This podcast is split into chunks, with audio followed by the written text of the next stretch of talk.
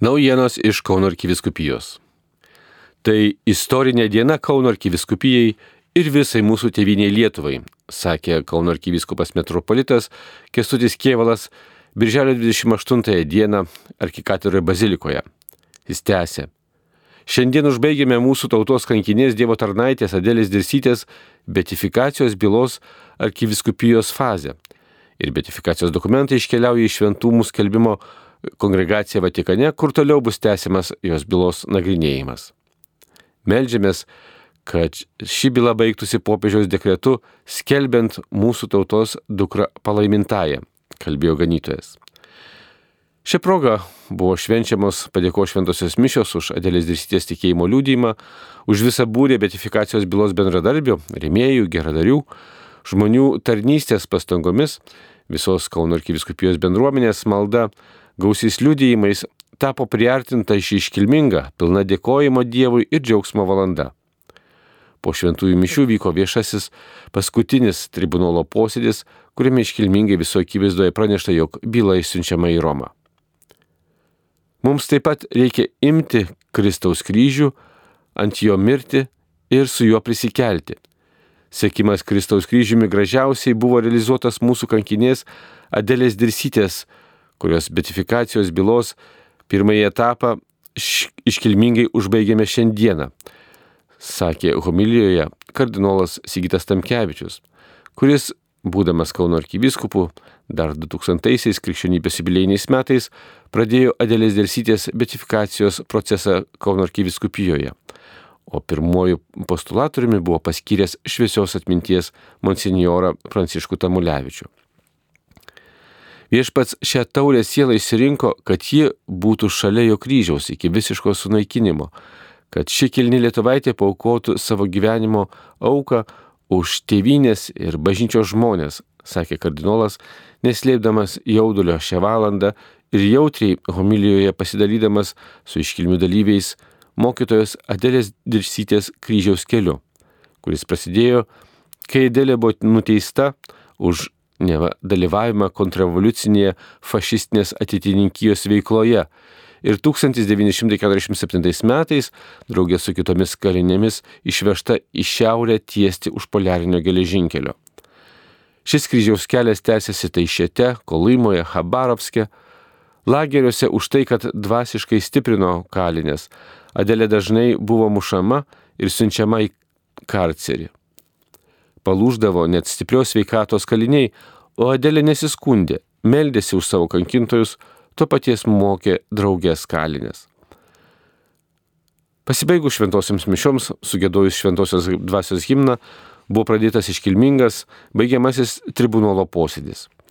Jame priimtos arkivyskupo bei tribunolo narių priesaikos, jog visi ištikimai bei sąžiningai atliko patikėtas užduotis, buvo perskaityti pranešimai, o šešios dėžės su lygiai 8000 puslapių bylos dokumentų užanspauduotos vaškiniais anspaudais. Autentiškai dokumentai bus saugojami Kauno arkiviskupijos kurijoje, jų nuorašai dėžėse iškeliaus tolesniam Adelės Dirsytės gyvenimo ir šventumo tyrimui jau šventųjų skelbimo dikasterijoje Vatikane. Šią progą arkivyskupas Kestutis Kievalas išsakė visą eilę padėkų betifikacijos bylos bendradarbiams, istorikams, teologams, techniniams darbuotojams, Adėlės dirsytės gimnaičiams už visokiojo pagalbą ir visiems, kurie skleidė žinę apie Adėlės gyvenimą, dalyjosi, bendradarbiavo, liudijo, lydėjo ir tebe lydi šį procesą malda bei aukomis. Thank you.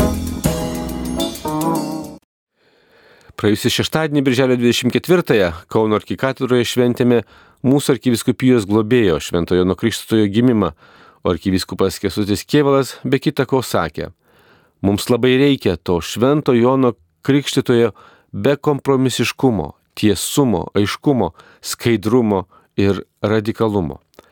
Esame kviečiami liudyti tiesą su pagarba ir atjauta kitam žmogui žinodami, kad ir mes patys esame trapus ir reikalingi tiesos radikalumo bei kartu jos perkeičiančio švelnumo.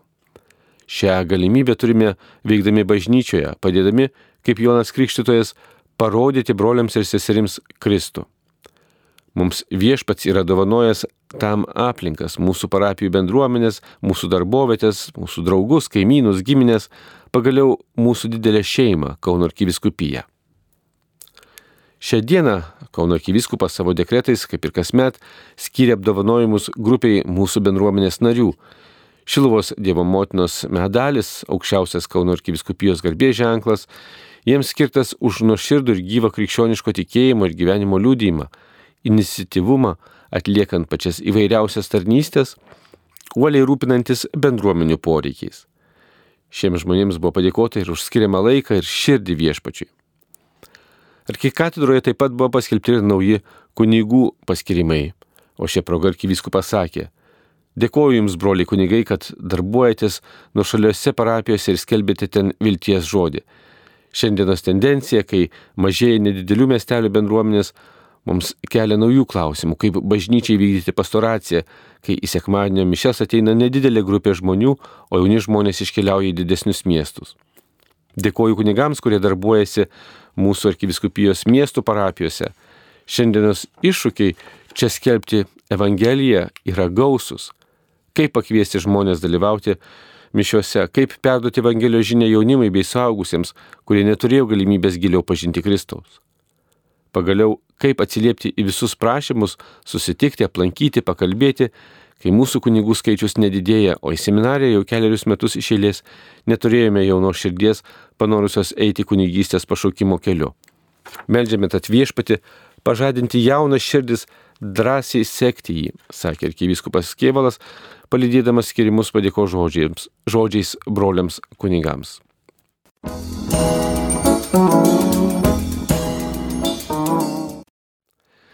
Vakar, birželio 29-ąją Kauno arkikatorioje bazilikoje buvo švenčiami tituliniai šventųjų paštalų Petro ir Pauliaus atlaidai.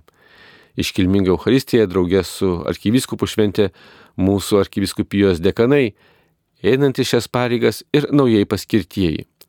Šią progą arkikatorėje buvo padėkota ir kadencijas baigusiems dekanams. Prieš pamaldas Kauno arkiviskupijos kurijoje į posėdį buvo susirinkusi visa dekanų taryba.